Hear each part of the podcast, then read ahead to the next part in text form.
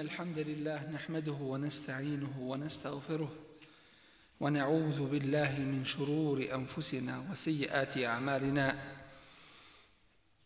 من يهده الله فلا مضل له ومن يضلل فلا هادي له وأشهد أن لا إله إلا الله وحده لا شريك له وأشهد أن محمدا عبده ورسوله أرسله الله بالحق بشيرا ونذيرا بين يدي الساعة من يطع الله ورسوله فقد رشد ومن يعص الله ورسوله فلا يضر إلا نفسه ولا يضر الله شيئا أما بعد فإن أصدق الحديث كتاب الله وخير الهدي هدي محمد صلى الله عليه وسلم وشر الأمور محدثاتها وكل محدثة بدعة وكل بدعة ضلالة ثم أما بعد Uzvišeni Allah subhanahu wa ta'ala objavio je suru pod imenom Al-Fath, pobjeda, koja je u stvari jasna pobjeda nad širkom i mušicima, i sve što je dolazilo nakon toga ukazivalo je na skoru potpunu pobjedu muslimana na tim područjima i uništenje širka u njegovim korijenima. Ovdje se nama postavlja pitanje po čemu je ovo bio fet? Po čemu je ovo jasna pobjeda. Kada znamo da su muslimani prilikom ugovora na Hudejbiji bili prihvatili uslove koji na oči gled ili na prvi pogled, bolje rečeno, nisu bili pogodni za muslimane. Ali smo vidjeli kako uzvišeni Allah subhanahu wa ta'ala pokazuje svoju mudrost i znanje gajba za nas nepoznatog i uputio je Allahovog Resula sallallahu alaihi ve sellem kako treba da postupi u tom kritičnom času.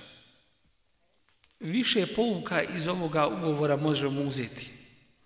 Prvo je velika pokornost i odanost ashaba Resulullaha sallallahu alaihi ve sellem Allahovom poslaniku i ovoj vjeri.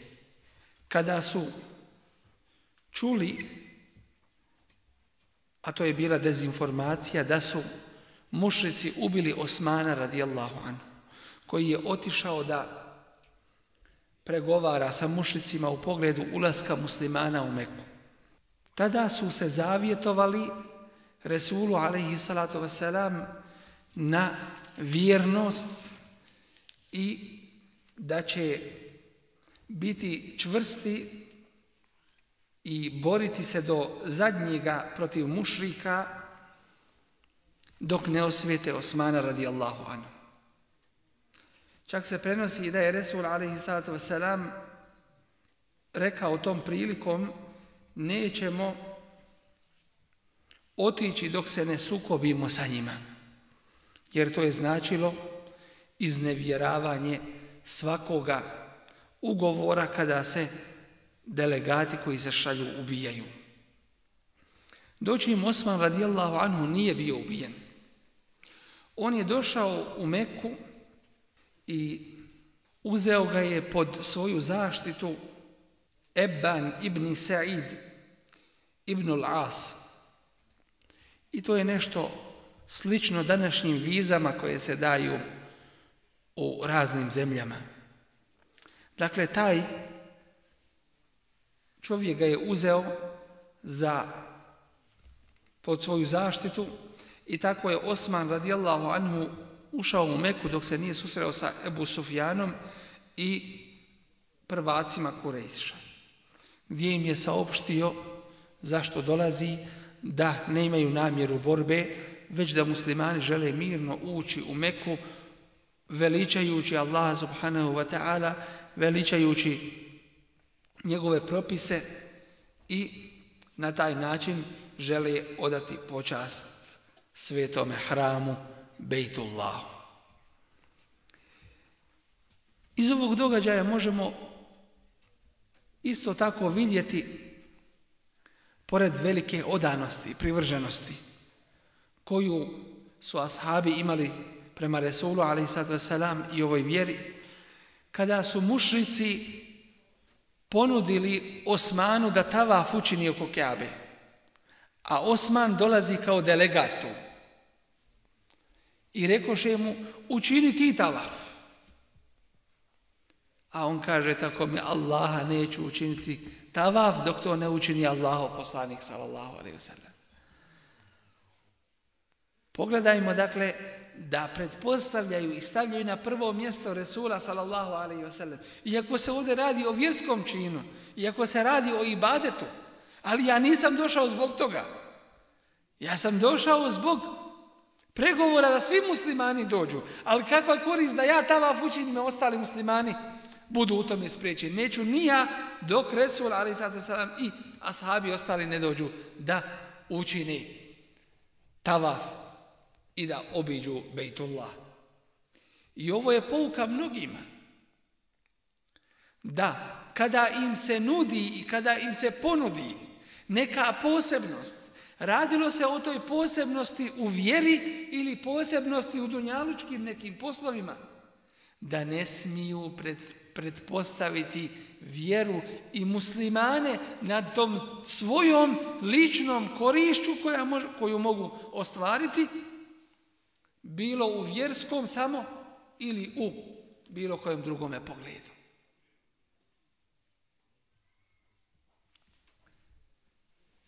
Tom prilikom, što uzimamo isto tako kao povuku, samo su iskreni mu'mini dali zavjet Resulu sallallahu alaihi wa sallam.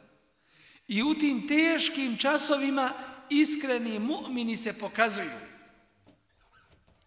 pravog prijatelja kada ćeš vidjeti i kada će ti se on pokazati u, trež, u teškim trenucima u trenucima iskušenja nije samo prijatelj kada ti je lijepo već u teškoći se pokazuje prijatelj i pravi brat u islamu tom prilikom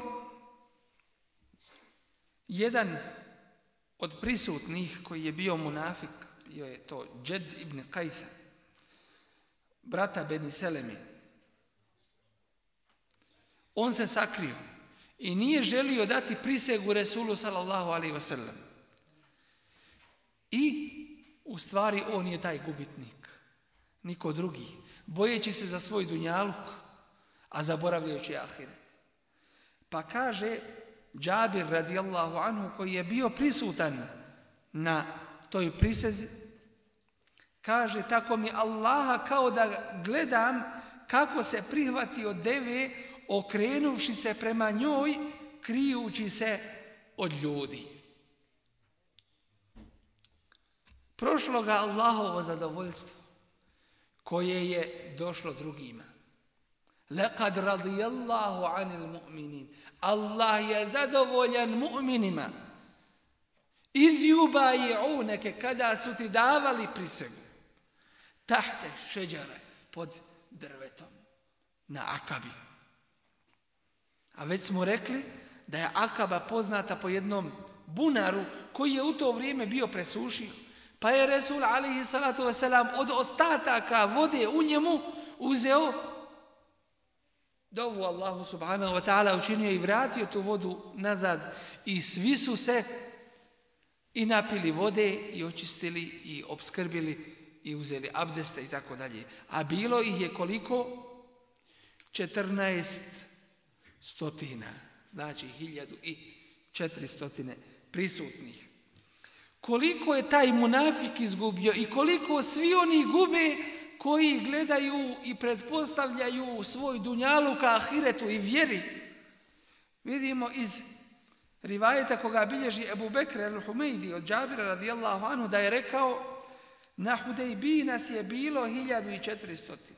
Tada nam je Allaho poslanik sallallahu alaihi wasallam rekao vi ste najbolji stanovnici zemlji. Najbolji na zemlji koji postojite. A imam je Ahmed prenosi od Džabir ibn Abdullah radijallahu anhu od Allahovog poslanika sallallahu alaihi wasallam da je rekao neće ući u džehennem ni jedan od onih što su se ispod stabla zakleli. To jeste od onih koji su učestvovali na toj prisegi na Akabi.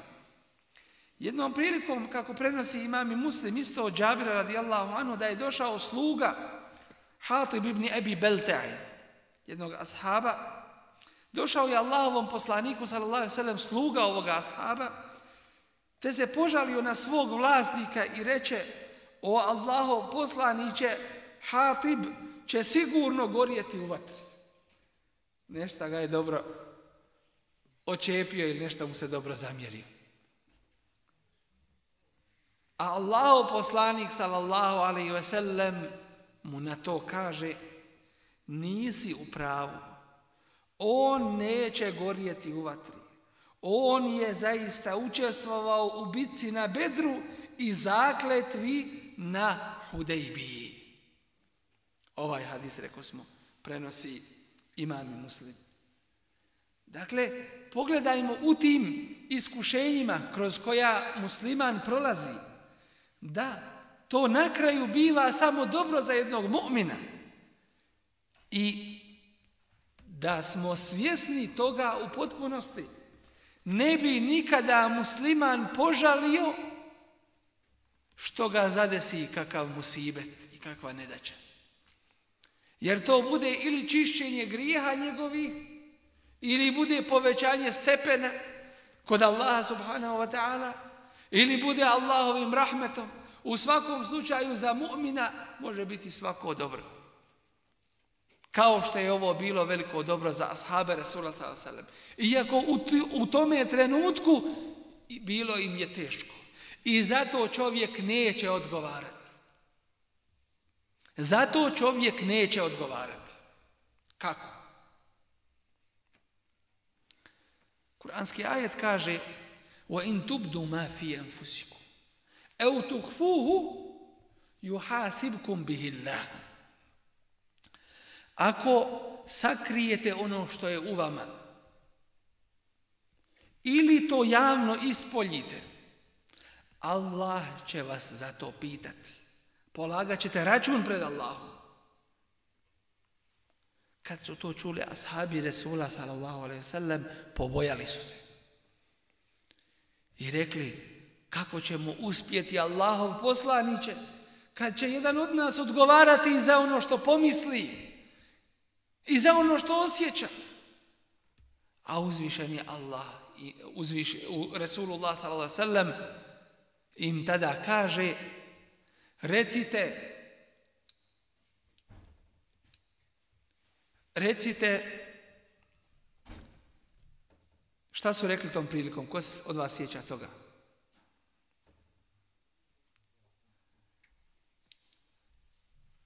Sami'na wa ata'na. Gufraneke rabbena wa ilajke almasir. Recite, kaže im Resul alaihissalatu wasalam, sami'na, čuli smo wa ata'na i pokoravamo se. Gufraneke rabbena wa ilajke almasir. Oprosti nam gospodaru naš i tebi se mi vraćamo. I tako su i kazali. Ashabi Resula sallallahu Nemojte reći kao što su rekli Benu Israil, se mi'na wa asajina, čuli smo i nećemo se pokoriti. I svoje objesti i, i nada i prkosa prema Allahu subhanahu wa ta'ala i njegovim poslanicima. Kada su ovo rekli ashabi Resula alaihissalatu wasalam, onda uzvišeni objavljuje kuranski ajet La yukallifu Allahu nefsen illa vosaha. Allah ne zadužuje nikoga osim po njegovoj mogućnosti. Dakle, pokorili su ste Resulu s.a.v. i svakako u tome je bilo zadovoljstvo uzvišenog Allah subhanahu wa ta'ala. Resulullah, to je jedan primjer. Resulullah, ali sad vas selam, u drugom primjeru dolazi i njegov sin Ibrahim na izdisajima.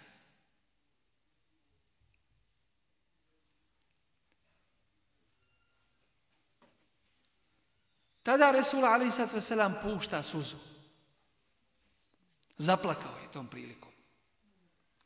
A jedan od prisutnih ashaba ga upita Zar i ti Allaho poslaniće? Zar i ti plaćeš? A on mu kaže, ovo je milost koju je Allah usadio u ljudska srca. I kaže isto tako, srcu je teško. I oči puštaju suzeno ali nećemo reći ništa drugo osim što je u zadovoljstvu Allaha subhanahu wa ta'ala. Dakle, za te osjećaje, za tu teškoću, te gobu koju čovjek osjeća prilikom musibeta, čovjek neće za to odgovarati. Ali ne smije ništa reći što izlazi iz okvira dozvoljeno što izražava njegovo negodovanje, ne ima naricanje, ne ima suprostavljanja Allahovom kaderu njegovoj odredbi, u ovome čovjek nije ni odgovoran. Ashabi Resula sallallahu sallam upoređujući ove dvije situacije sa ovom na Hudejbiji, vidimo ih da im je bilo vrlo teško. Čak su bili, tako rekuć, paralisani. Resul a.s. im kaže, zakoljite svoje kurbane, obrite glave, a oni pošli na umru, ne smije dlaku z glave skinuti pod ihramom, kako će sad, a nije još došao do Mekke, ni tavaf obavio, zijaret učinio, kako će to da učini? Teško im, Nisu pošli ni u kakav provod, nisu pošli na neki teferić. U ibadet Allahu subhanahu wa ta'ala očekuju šta će se desiti. Znaju da su na pravome putu i vjeruju u to i ubijeđeni su. A mušici da su na krivom. Kako to? Teško im cijela ta situacija u kojoj su se našli. A pored toga dolaze i mušici i kažu ko od nas pređe vama da ga vratite. Ko od vas pređe nama, nećete ga vraćati. Ko nema više borbe među nama, deset godina i tako dalje, sve to teško muslimanima bilo, jer su vidjeli u tome veliki zulum i nepravdu. I tada, Omer radijallahu anu, dolazi i pita Resula sallallahu alaihi ve sellem, zar ćemo pristati na to? Pa odlazi Ebu Bekru radijallahu anhu i kaže kako da dajemo to u svojoj vjeri, kako da im popuštamo. A Ebu Bekr radijallahu anhu es siddiq gdje se njegova čvrstina i čvrstoća imana imana i vjerovanja u potpunosti pokazala, kaže Omere, kada bi ti sebe uništio, on je Allaho poslanik. Ništa ti u tome ne možeš promijeniti. On bolje zna. Ako je on tako učinio, Allah to zna i nadzire i prati.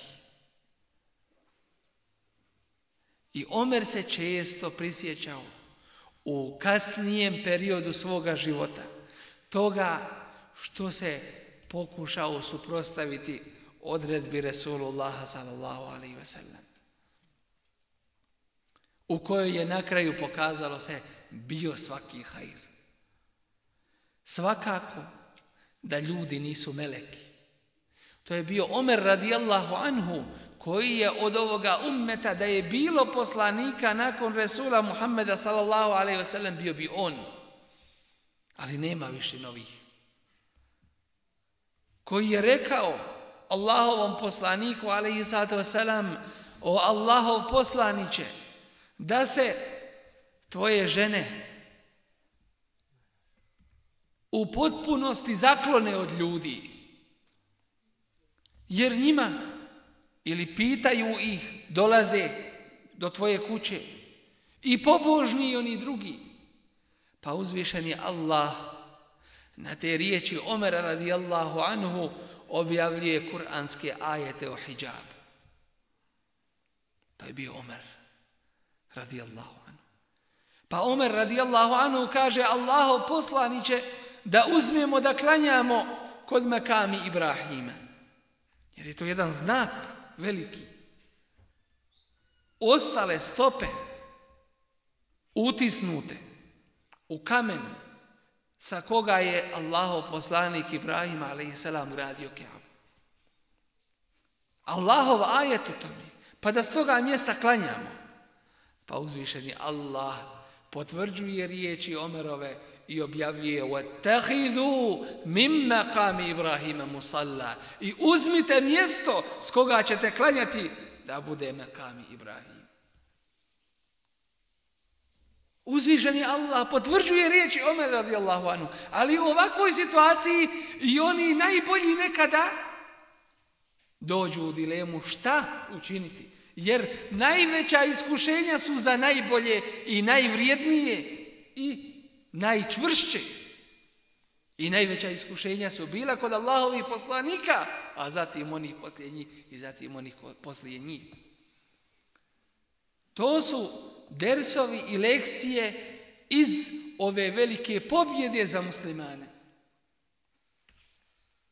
Koja je bila i desila se na Hudejbije u vrijeme kada su muslimani bili spriječeni da uđu u Meku da bi obavili umru. Mi smo kod kuranskog ajeta Inna fatahna leke fatham mubina mi smo ti dali otvorenu i jasnu pobjedu. Ovim je uzvišeni Allah rekao svoju blagodat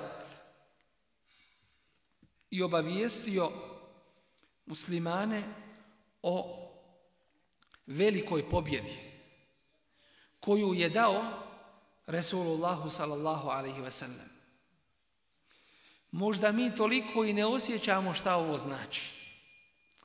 Ali kada se vratimo u istoriju, nakratko samo, jer kada bismo otišli u istoriju, trebalo bi nam vremena i vremena da se vratimo u nezad.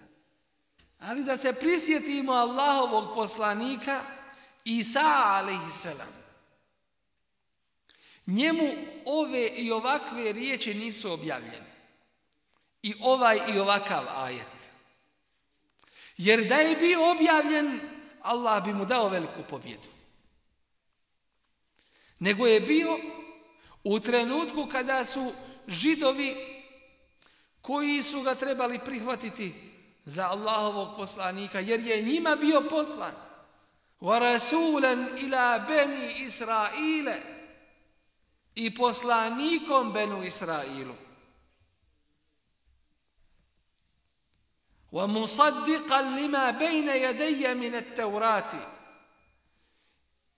i potvrđujući ono što je objavljeno prije mene, kaže Isa a.s. kako Kur'an prenosi, od te vrata, treba li ga priznati i mora li ga priznati za Allahovog poslanika.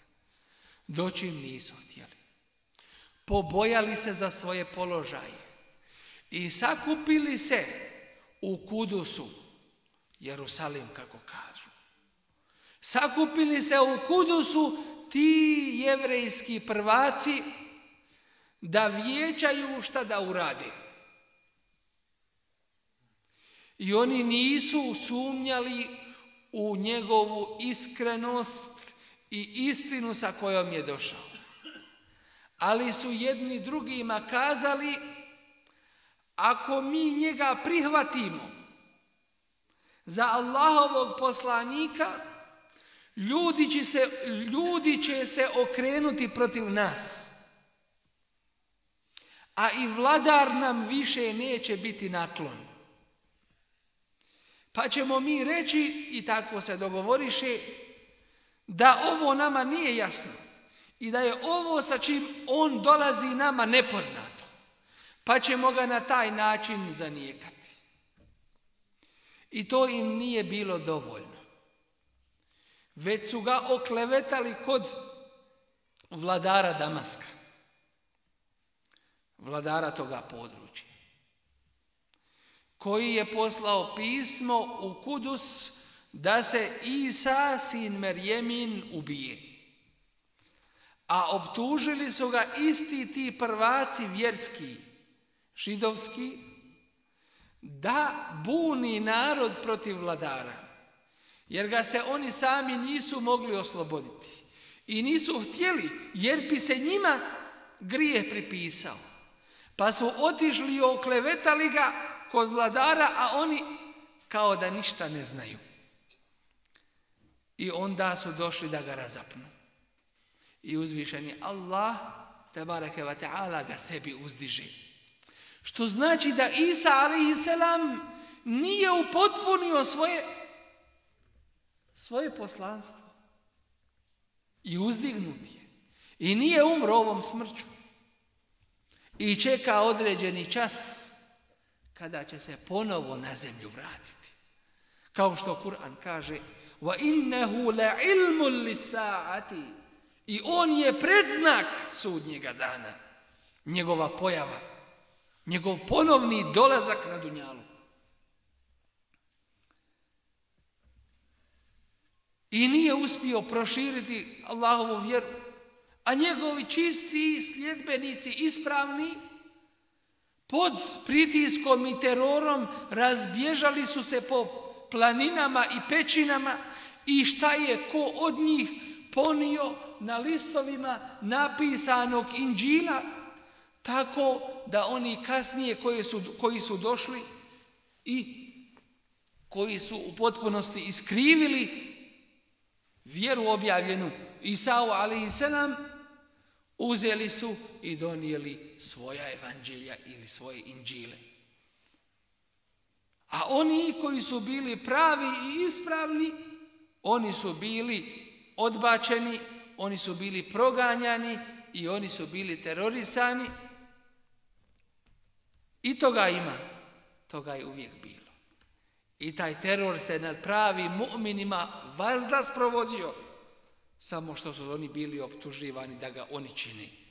A oni su bili žrtve toga zuloma i terora koji se čini nad njima. Kroz istoriju čovječanstva. Nije dato Isau a.s. za vrijeme njegovog prvog boravka na Dunjaluku da proširi Allahovu vjeru, da ljudi uđu Allahovu vjeru u skupinama, da uspostavi Allahove zakone na zemlji. Nije to mogo. Prije njega ko je bio? Musa a.s. Dovoljno vam je to da je preselio na ahiret Allahu subhanahu wa ta'ala u periodu kada je njegov narod lutao po pustinji Sinaja. Kada im je sveta zemlja bila zabranjena 40 godina. Pa je molio uzvišenog subhanahu wa ta'ala da ga približi Bejtul Maqdisu koliko se može kamenom do njega dobaciti. Pa Resulullah sallallahu alaihi ve sellem prošao je na svome putu Isra. Isra.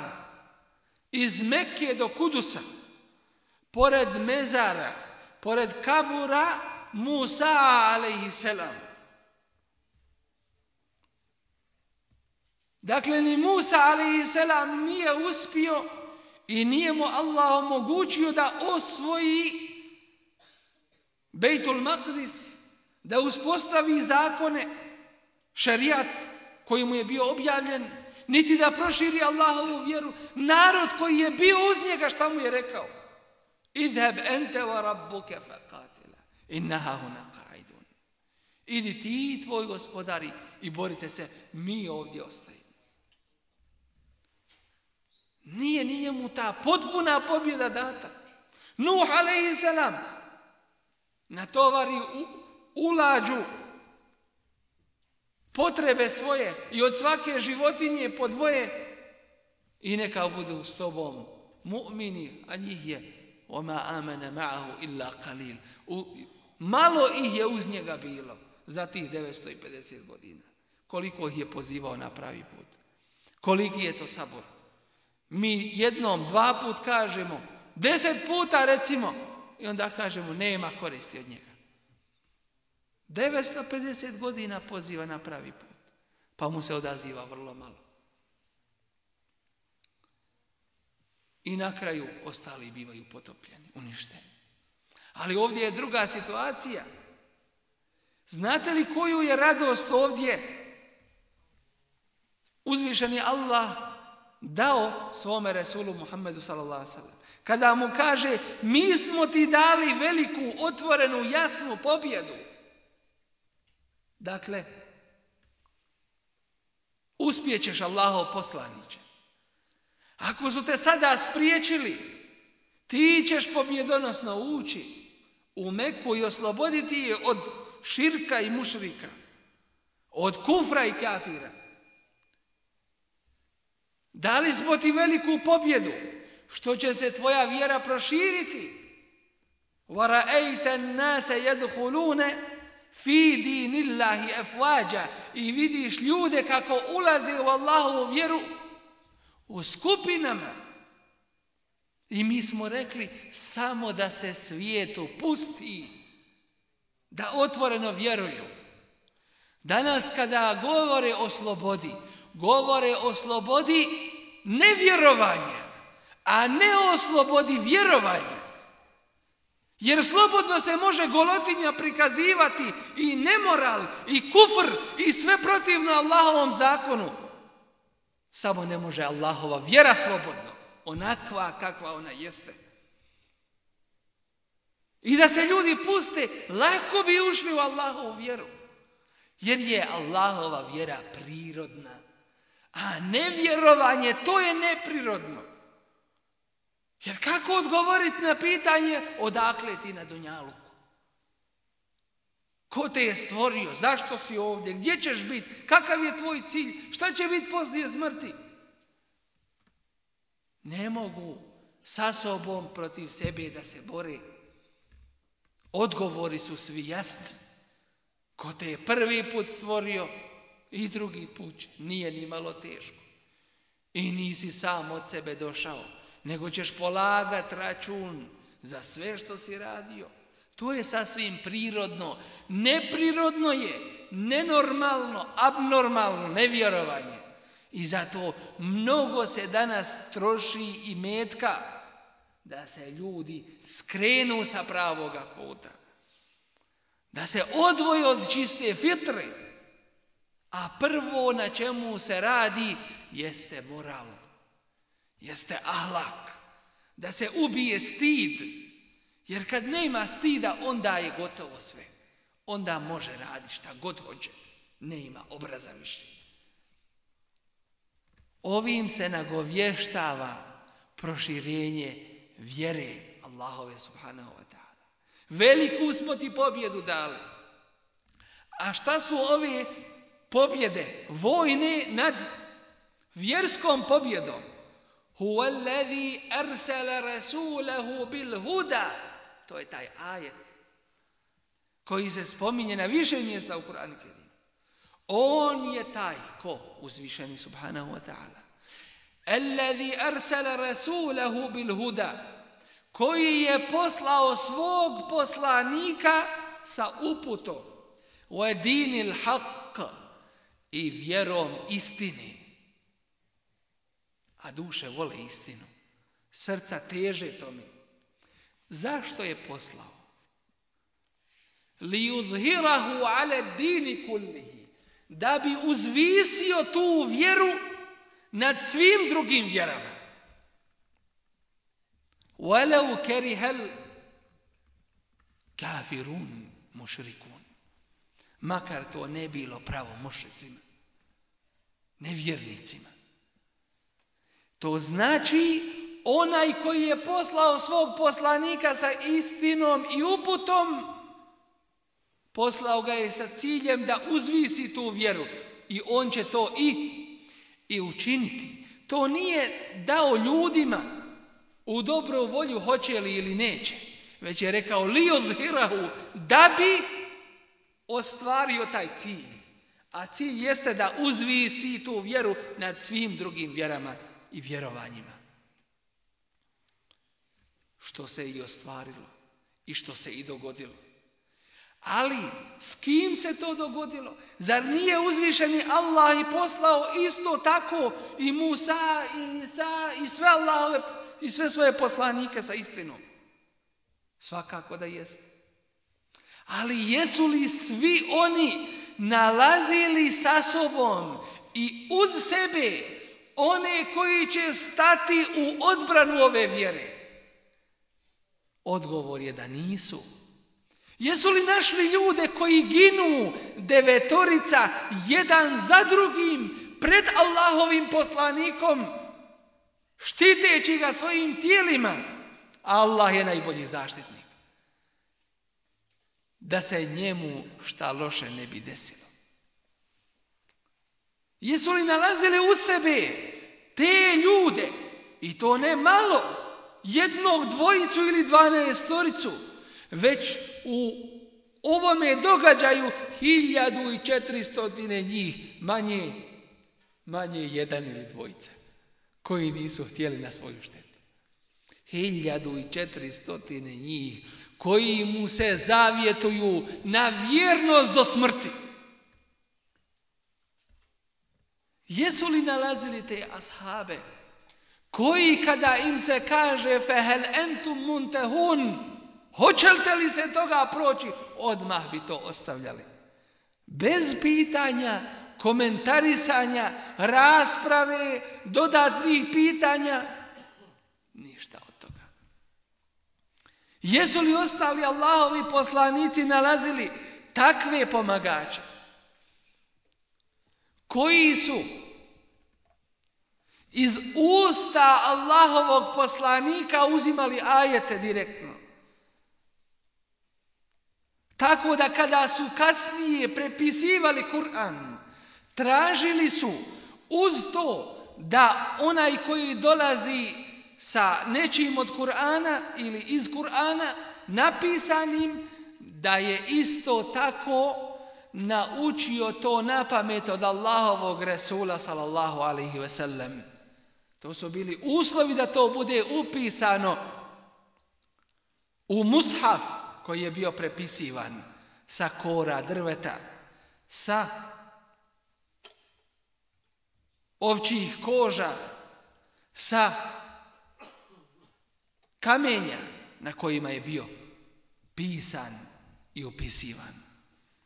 Jesu li nalazili takve pomagače koji su se svim svojim žrtvovali na Allahovom putu?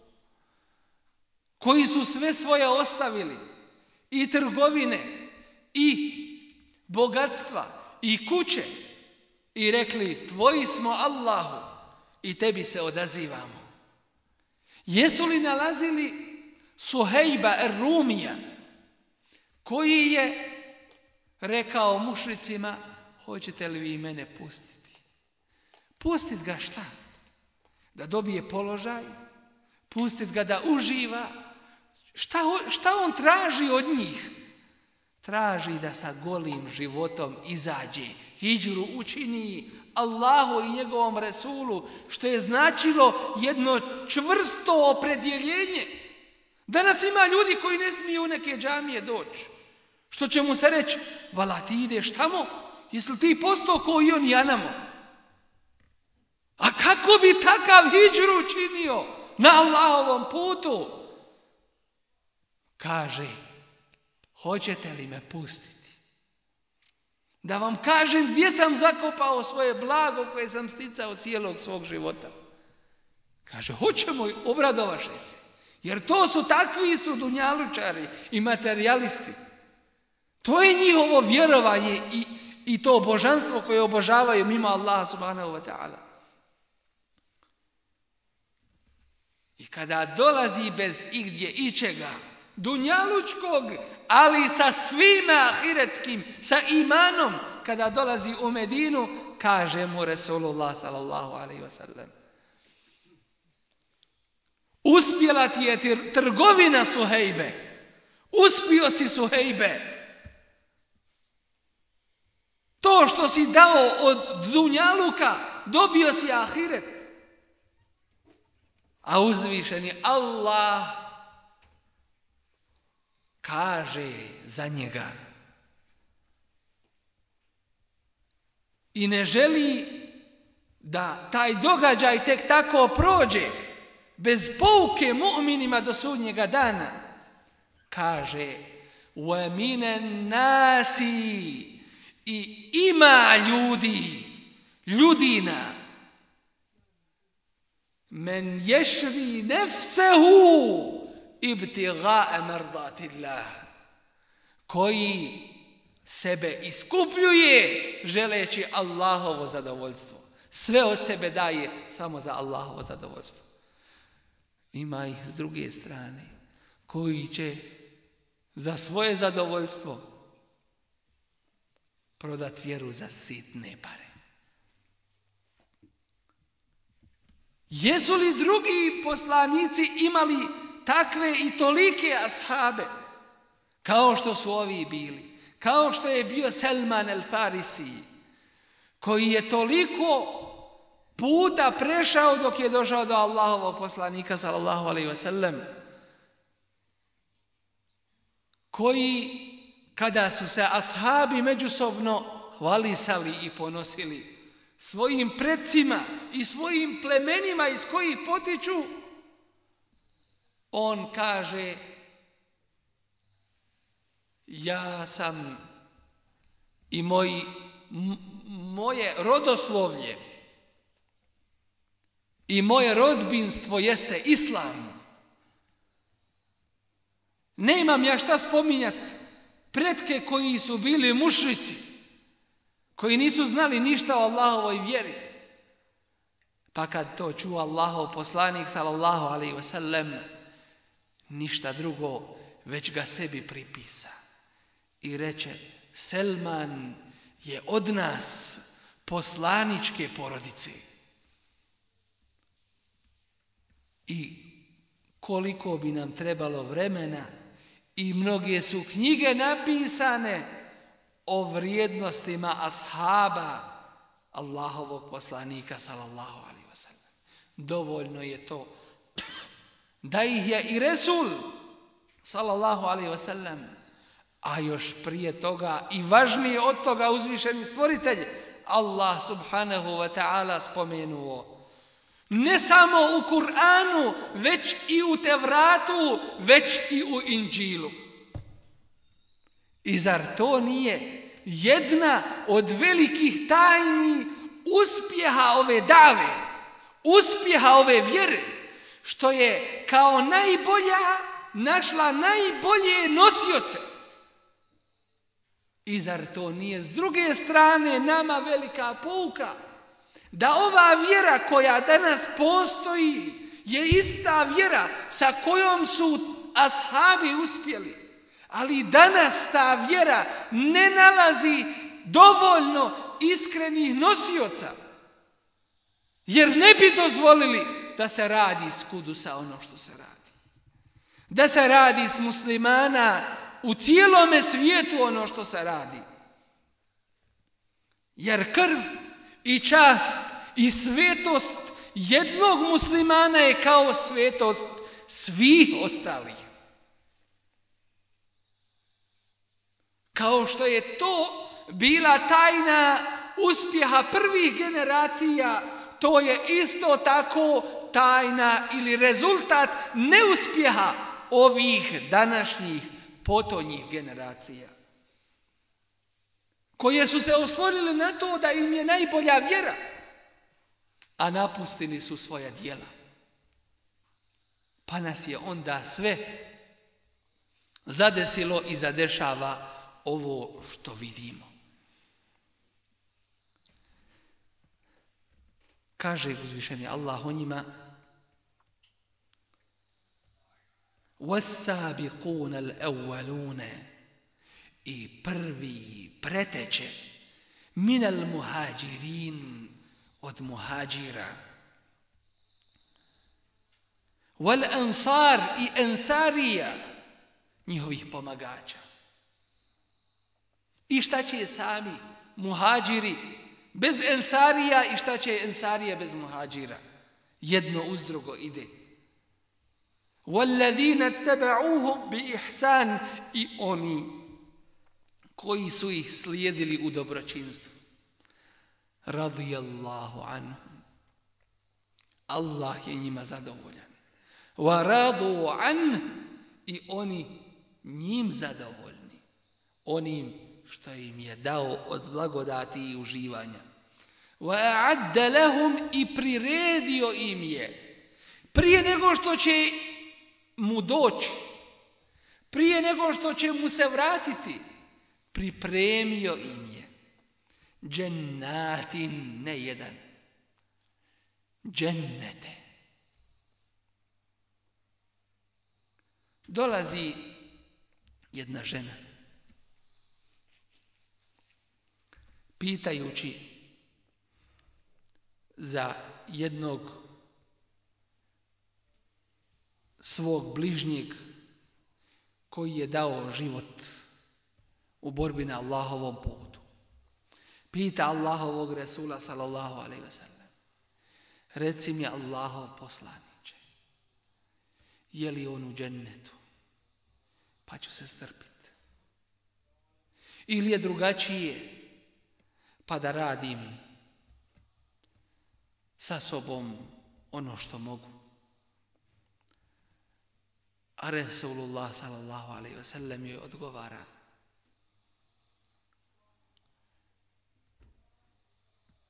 Misliš li ti da je jedan džennet? Uzvišen je Allah je pripremio stotinu stepenova u džennetu za borce na Allahovom putu. Između svakog od njih je koliko mi sa zemlje gledamo u zvijezde. A tvoj koji je preselio, on je dobio najveći stepen taj. Dakle, obećao im džennete i pripremio im džennete. A u drugom kuranskom ajetu uzvišeni Allah kaže lil fuqara il muhađirin i siromašnim muhađirima. I to nije za njih sramota. Sramota je uzet haram. Sramota je ogriješiti se o Allahove propise. Sramota je biti kod Allaha neispravan. A biti siromašan na dunjaluku nije sramota, ali čist i pošten. A kako će i biti bogati kad su sve ostavili u ime Allaha? Nisu mogli svoje kuće ponijeti.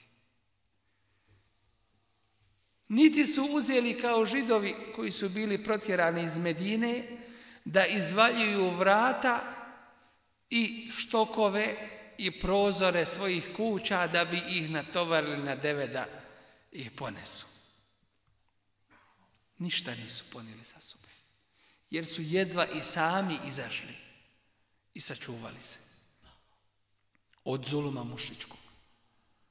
Lil fukara il muhađirin, siromašnim muhađirima. Alladine uhriđu min dijarihim wa emualihim.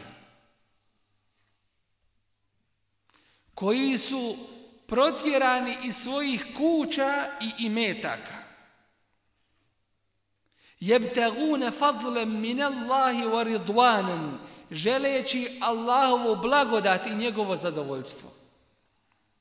Wa jansurun Allaha wa rasule, pomažući Allahovu vjeru i njegovog rasula. Ulaike humus sadikun, to su iskreni. Tu se iskrenost pokazuje. Ako je jednom od nas danas teško doći u džaniju i odazvati se na ezan u najlakšim i najljepšim uslovima, kako bi se odazvao na šta veće i teže? Kako bi dao sav svoj imetak? Kako bi se žrtvovao na Allahovom putu? To su iskreni, kaže Allah. والذين تبوأوا الدار والإيمان من قبلهم a oni koji su pripremili kuću i iman još prije njih, dočekali ih otvorenih ruku i otvorenih srca. Primili islam prije nego što su muhađiri došli u Medinu i otvorili im svoje kuće. Juhibbuna men hađara ilaihim. Vole one koji su im hijđru učinili. Nije im teško zbog toga. Vala jeđiduna fi suduri im hađete mimma utu. I ništa im nije teško što daju. Vajuthiruna ala enfusihim i druge sebi pretpostavljaju. Vala ukane bihim hasasa. Makar to njima samima bilo potrebno.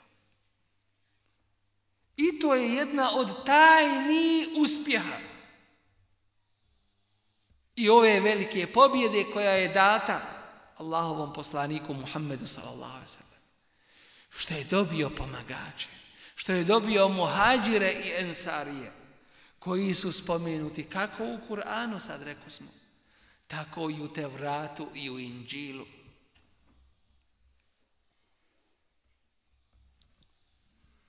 Tarahum ruka'an suđadan. Vidiš ih kako su na ruku'u i na seđdi. Jebtaguna fadlem min Allahi wa ridwana. Želeći Allahovo zadovoljstvo i blagodat. Simahum fi wujuhihim min athari sujud. Njihov trag, od seđdi vidi se na njihovim licima. Jer seđda je ta koja te čini da tvoje nurli lice bude takvo. Min eferi suđud od tragova seđde njihova lica su blistava. Zalike meteluhum fit teura. To je njihov primjer primjer spomenut u Tevratu primjer ovih ashaba. وَمَثَلُهُمْ فِي الْإِنْجِيلِ A njihov primjer u Inđilu كَزَرْعٍ أَخْرَجَ شَطْأَهُ فآزره فاستغلظ فاستوى على سوقه يعجب الزراع ليغيظ بهم الكفار kao primjer ploda, drvete, koje pusti svoje stablo, pa ga onda ojača i očvrsne tako da se ono uspravi. I to zadivljuje sijača. Oni koji u stvari pomažu Allahovu vjeru, i zadivljuje uzvišenog subhanahu wa ta'ala. I drago im je. Drago mu je i dragi su mu. Lije gida bihimul kufar i ovo svojstvo je spomenuto da bi njima rasrdio nevjernike. Dakle, spominju se i u Tevratu, i u Unđilu, i, i u Kur'anu. Inna fetahna leke Mi smo ti veliku pobjedu dali.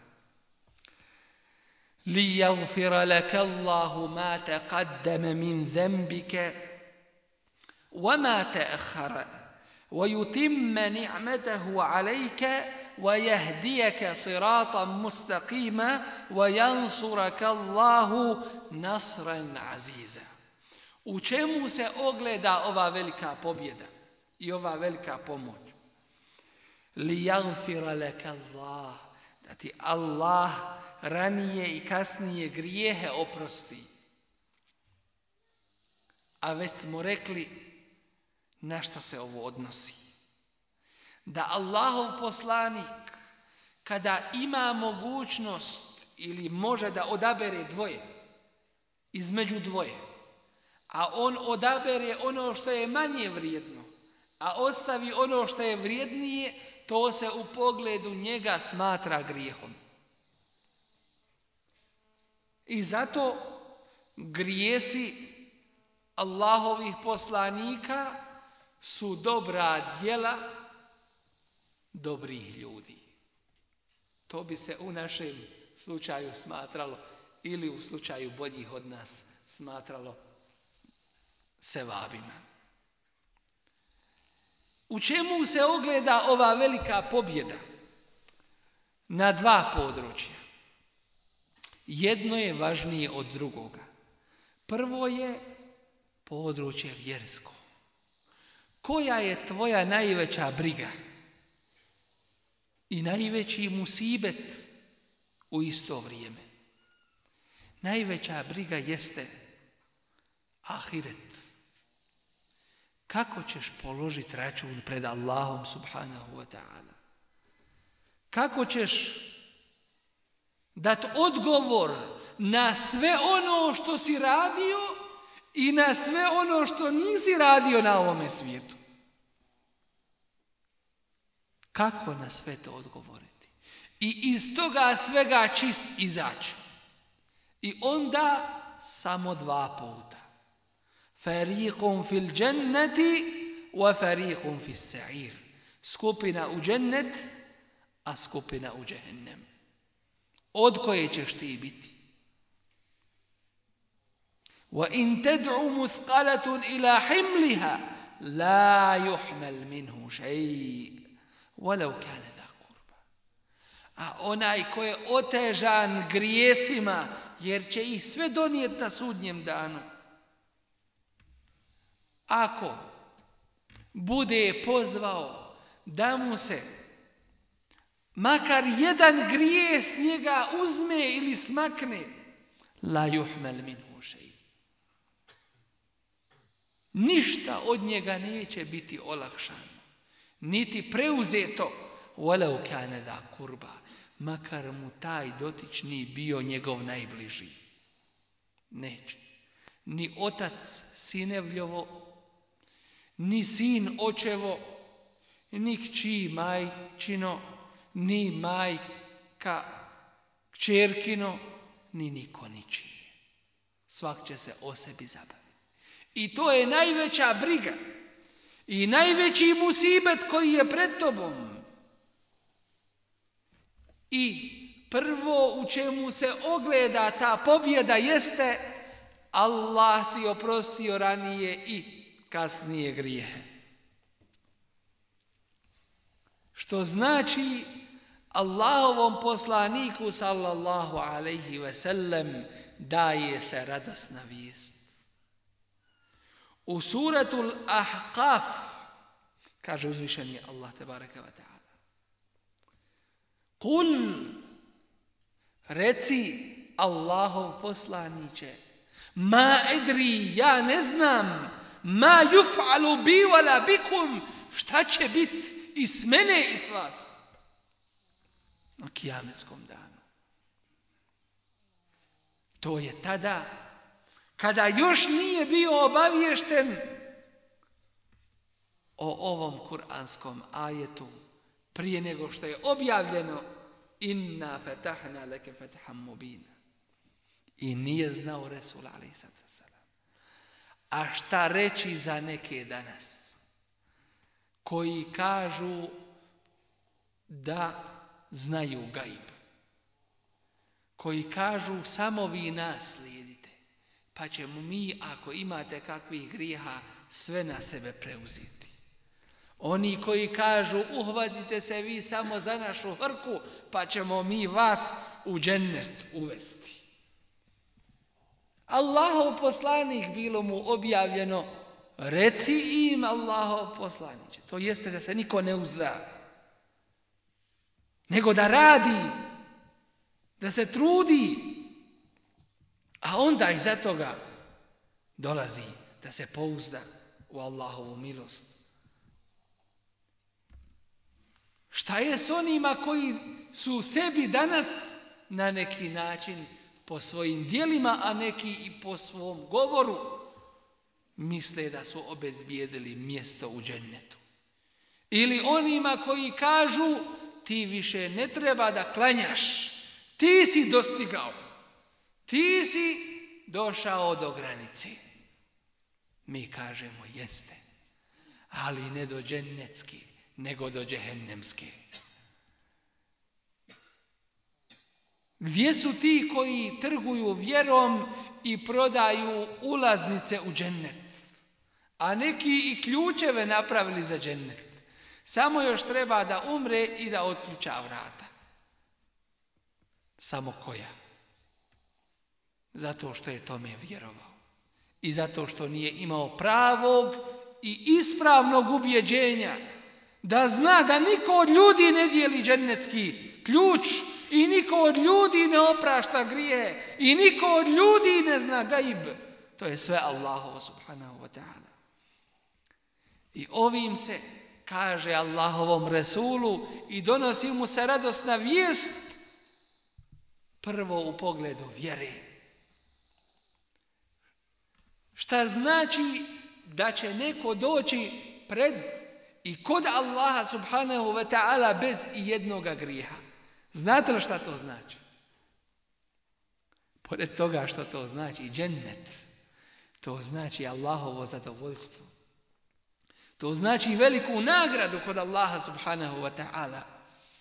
A u slučaju Resula sallallahu alaihi ve sellem obavijestio nas je da mu je želja da dobije el vesile, a to je najveće i najbolje mjesto u džennetu koje ne može dobiti niko drugi do samo jedan čovjek.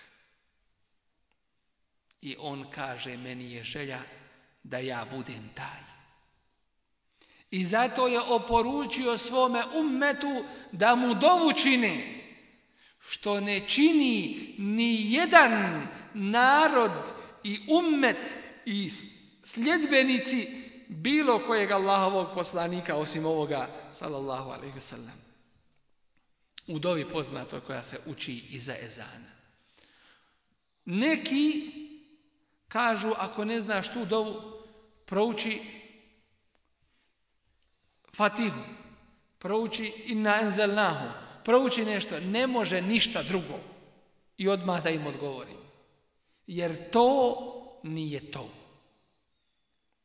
Allahov poslanik alejsatu selam uči svoga ashaba uči ga dovi dova prije spavanja između ostalo kaže u njoj amen tu bi kitabi kellezi enzelt wa bi nabiji kellezi arselt a ovaj ashab ponavljajući za njim pogriješi pa mjesto da kaže wa bi nabijike on kaže wa bi resulike a kod nas Po ovome što mi vidimo ne ima velike razlike.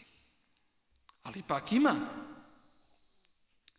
Pa ga Resul Ali Sato Salam ispravlja. I kaže nije vebi Resulike, već vebi nebije kelevi arsel. Jedna riječ. Jer ove dove su precizne. Tako i ovo. Ne može ništa na omjesto ovoga stati. Dova nakon je za Za Resula sallallahu alaihi ve sellem da mu se dadne to najveće i najbolje mjesto u džennetu, a on takvo me obećava svoj šafat. Doći neki koji nisu spoznali dovoljno ovu vjeru i upoznali njene propise, umjesto da tako to učine, oni kažu šefaat ja Rasulallah. Šefaat nam čini Allaho poslanić. To je dovoljno. A dova je ibadet. A ibadet može biti samo Allahu i nikome drugome. Ni poslaniku, ni meleku, ni džinu, ni čovjeku. Nikome, samo Allahu subhanahu wa ta'ala. Može namaz biti kome drugome? Ne može. Tako i dova. Na Dunjaluku ti da moliš Resula, ali za to salam za nešta. To se ne smije. To je strogo zabranjeno. Mogao si da si ga dočekao dok je bio živ da mu kažeš Allaho poslaniće, zauzmi se za mene na ahiret, to si mogao. Ali nakon njegovog preseljenja na ahiret, ne možeš se njemu obraćati samo Allahu, subhanahu wa ta'ala. A ako hoćeš njegov šafat, uči dovu iza ezana. Ako hoćeš njegov šafat, slijedi njegov sunnet. Budi privržen onome čemu je on bio, bio privržen. Ako hoćeš njegov šefat, traži ga kod Allaha uzvišenog. Allahu, ti mi podari šefat tvoga Rasula Muhammeda sallallahu alaihi sallam. Dakle, ovim se postiže to veliko dobro. Da ti Allah oprosti ono što je bilo i što će biti. Dakle, dolazi pred Allaha subhanahu wa ta'ala čist od bilo kakvoga grija. Allahovi poslanici su u tome uzor i primjer. Nuh alaihi selam ne spominje ništa drugo nego da je dovu učio protiv svoga naroda i ustručava se Allaha subhanahu wa ta'ala. Adem alaihi selam spominje da je napravio na jedan grije zbog koga je izveden iz dženneta i tako dalje. Znači, u ovome slučaju ne ima grija. وَيُتِمَّ نِعْمَتَهُ عَلَيْكَ I da svoj ni'met, svoju blagodat tebi upotpuni. Šta znači upotpunjenje blagodati Allahove subhanahu wa ta'ala njegovom Resulu sallallahu alaihi wa sallam? Upotpunjenje jeste prije svega ova vjera. I govori o ovoj vjeri sada. O oprostu grijeha, a to je od vjere. O upotpunjenju blagodati. A koja je to blagodat Allaha subhanahu wa ta'ala u vjeri? To je ovi propisi. Kao što uzvišeni Allah na kraju sure, na početku sure El Maide kaže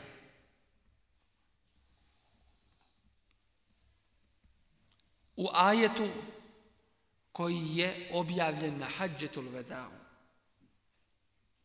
Kako ide taj ajet, sjećate li se? Danas sam el jeume ekmeltu lekum dineku. Danas sam vam vašu vjeru upotpunio.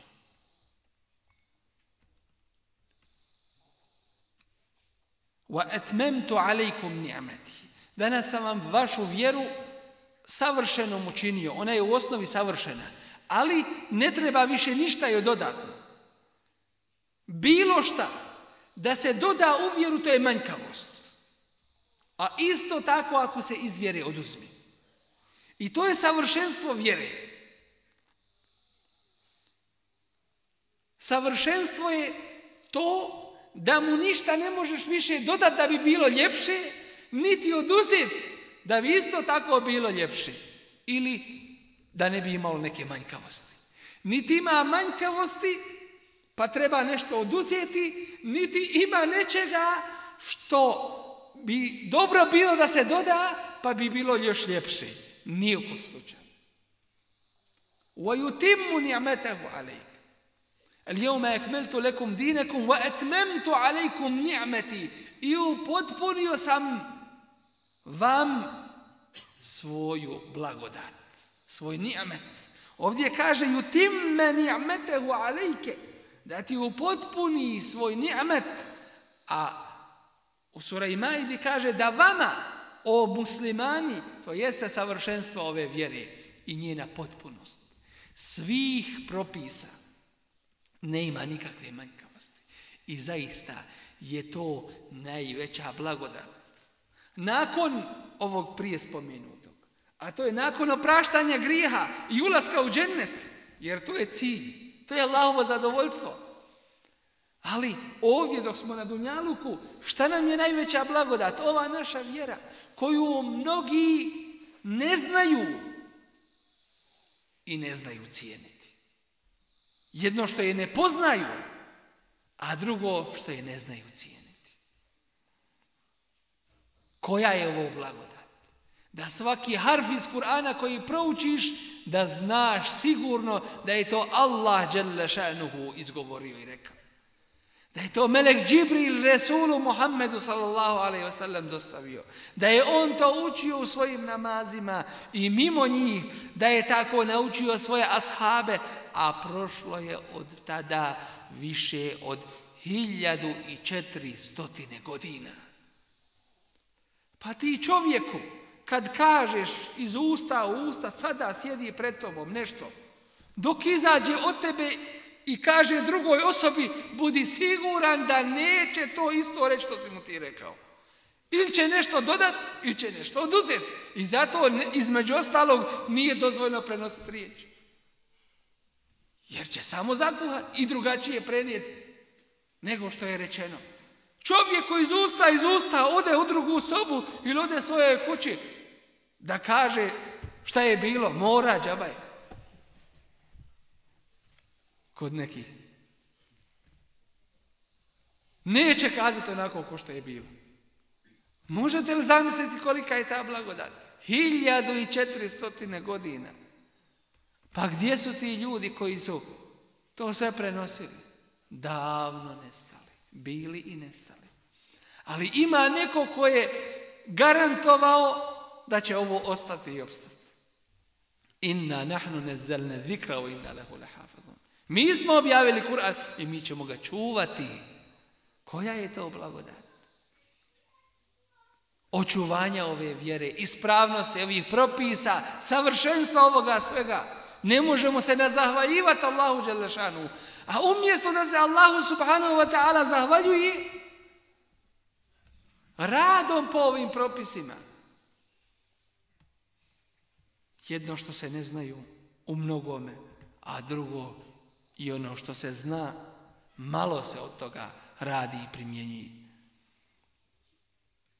I kolika je Allahova milost prema nama, kad nas drži, a mi mu griješimo. Tebe kad djete ne posluša, krivo ti i ružiš ga i tako dalje, a koliko ti Allaha subhanahu wa ta'ala puta ne poslušaš? I ne odazoveš mu se kad ti kaže ja ejuhalladina amenu. Pozvao te tvojim imenom. Nije potrebno da te zove Salih, Mustafa, Muhammede, Alija. Poz, pozvao te boljim imenom od toga. A to je imanom tvojim te pozvao.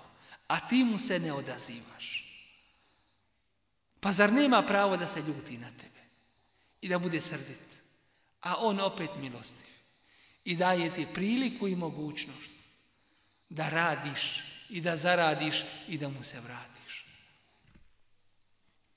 وَيَهْدِيَكَ سِرَاطًا مُسْتَقِيمًا i da te uputi pravim putem što učimo svaki dan u Fatihi.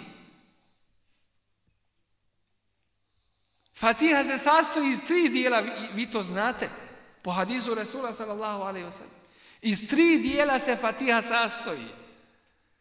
Kad čovjek prouči Alhamdulillahi Rabbil Alamin Ar-Rahman Ar-Rahim Maliki Umidin Uzvišen je Allah mu se odaziva I kaže Pohvalio me moj rob Uzdiže me moj rob Slavi me moj rob A kad kaže Iyake na'budu wa iyake nesta'in To je drugim riječima La ilaha illallah To je srž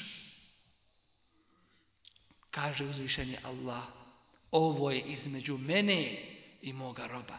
To je ta veza, to je taj ugovor između tebe i Allaha dželle šanu. Wali abdi ma sa'al, imam robu dajem ono što od mene traži. A šta ti tražiš nakon toga?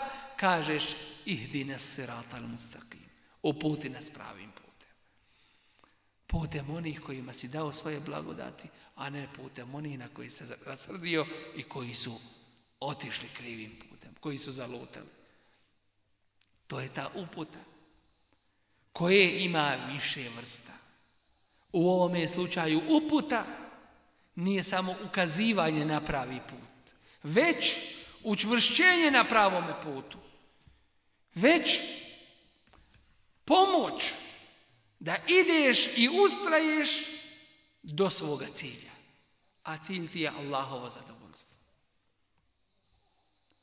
To je u ovome slučaju uputa pravim putem. وَيَهْدِيَكَ سِرَاطَ مُسْتَقِيمَ I zove se pravim putem zato što nema na njemu krivudanja. Lahak put, jednostavan, pravac. Kažu, kako ćeš doći do tog i tog mjesta? Kaže, samo pravo. Nikud nemoj skretati doćeš gdje tražiš. E tako je ovdje u ovoj vjeri. Sirat put pravac. Nema nigdje skretanje. Skretanje to je griješenje. I ako zgriješiš, vraćaj se. I onda ponovo idi pravim putem. A zgriješiš pa onda probaš da se opravdaš i kažeš pa dobro, a i drugi tako rade, to što se pravdaš je gore nego sam grije. Jer će te to dalje odvesti onda. Nećeš se vratiti pravom putu. To je vjerska blagodat. Vjerska blagodat u čemu se ogleda fetha mobil, otvorena pobjeda. I druga strana ove pobjede jeste vajan sura kallahu nasran aziza i Allah će te pomoći snažnom pomoću. To jeste osvajanje Mekke, to je oslobađanje Mekke, rješavanje Kabe od kumira, od idola i kipova koji se obožavali, Zatim, širenje Islama od istoka do zapada i velika blagodat koju je Allah dao da se ova vjera proširi među narodima, pa da i do nas na ovim prostorima i područjima dođe. A šta smo mi učinili u ovoj blagodati? Wallahi je to samo čista Allahova blagodat. Došla nam gotova. Nismo, nismo mi išli negdje preko brda i planina da tražimo uputu i raspitivali se o tome godinama i godinama. Pa onda nakon lutanja nekog dalekog tek počeli spoznavati istinu. Allah dao istinu u srce. Dao uputu i uputio pravim putem. Otvorio ljudska srca ovoj vjeri. Dakle, dvije vrste pomoći. Prvo vjerska, a nakon te vjerske i ona druga lahko dolazi. Danas se mnogi pitaju kad će kud doći u muslimanske ruke. Doći će sigurno i ne ima šube, samo kudus čeka prave, iskrene mu'mine. A to je nesumnjivo. I vrlo je lako, ne samo kudus, nego sve ostalo osloboditi i osvojiti kome je pravo, kome je krivo. Razumi ko razumi, a ne razumi ko nije razumio. Vrlo lako. Ko što danas nekima izgleda nemoguće i misle da je nemoguće da će ikad muslimani osloboditi kudus. Ovakvi kakvi smo, nije prilike drugačiji bez sumnje i bez ikakve šube inša Allah, kao što je Allah dao primjerom preko tih ashaba. Ne možemo biti kao oni, to je činjenica. Ali plemenitost je oponašat plemenite. Poredit se sa njim, oponašati ih u tome dobro. Pa će Allah pomoć svoju dati. Dakle, kad se naša vjerska pitanja Islam kad se kod nas muslimana uspostavi onako kako treba i onakav kakav on jeste, onda bez šubhe lako će sve biti. Više ti neće trebati viza da odeš na hač i na umru. Više ti neće trebati na kraju dunjaluka ako ima neki musliman pravom šehadeta la ilaha illallah da mu pomogniš i da ga ozijaretiš i da zajednički radite za napredak ove vjere. I zato ono što je bilo rješenjem i rezultatom prvim generacijama i uspjehom njihovim biće i onim kasnijim nesumnjivo jer je uzvišeni Allah to garantovao jer je istorijom i tim prvim generacijama to potvrdio. Molim uzvišnog Allah subhanahu wa ta'ala da nas pomogne na pravom putu srati mustaqima, da nas učvrsti na putu njegovog zadovoljstva, da nam se smiluje i da nas učini čvrstim iskrenim mu'minima sa kojima je on subhanahu wa ta'ala zadovoljan. Subhanak Allahumma bihamdik, ašhadu an la ilaha illa anta.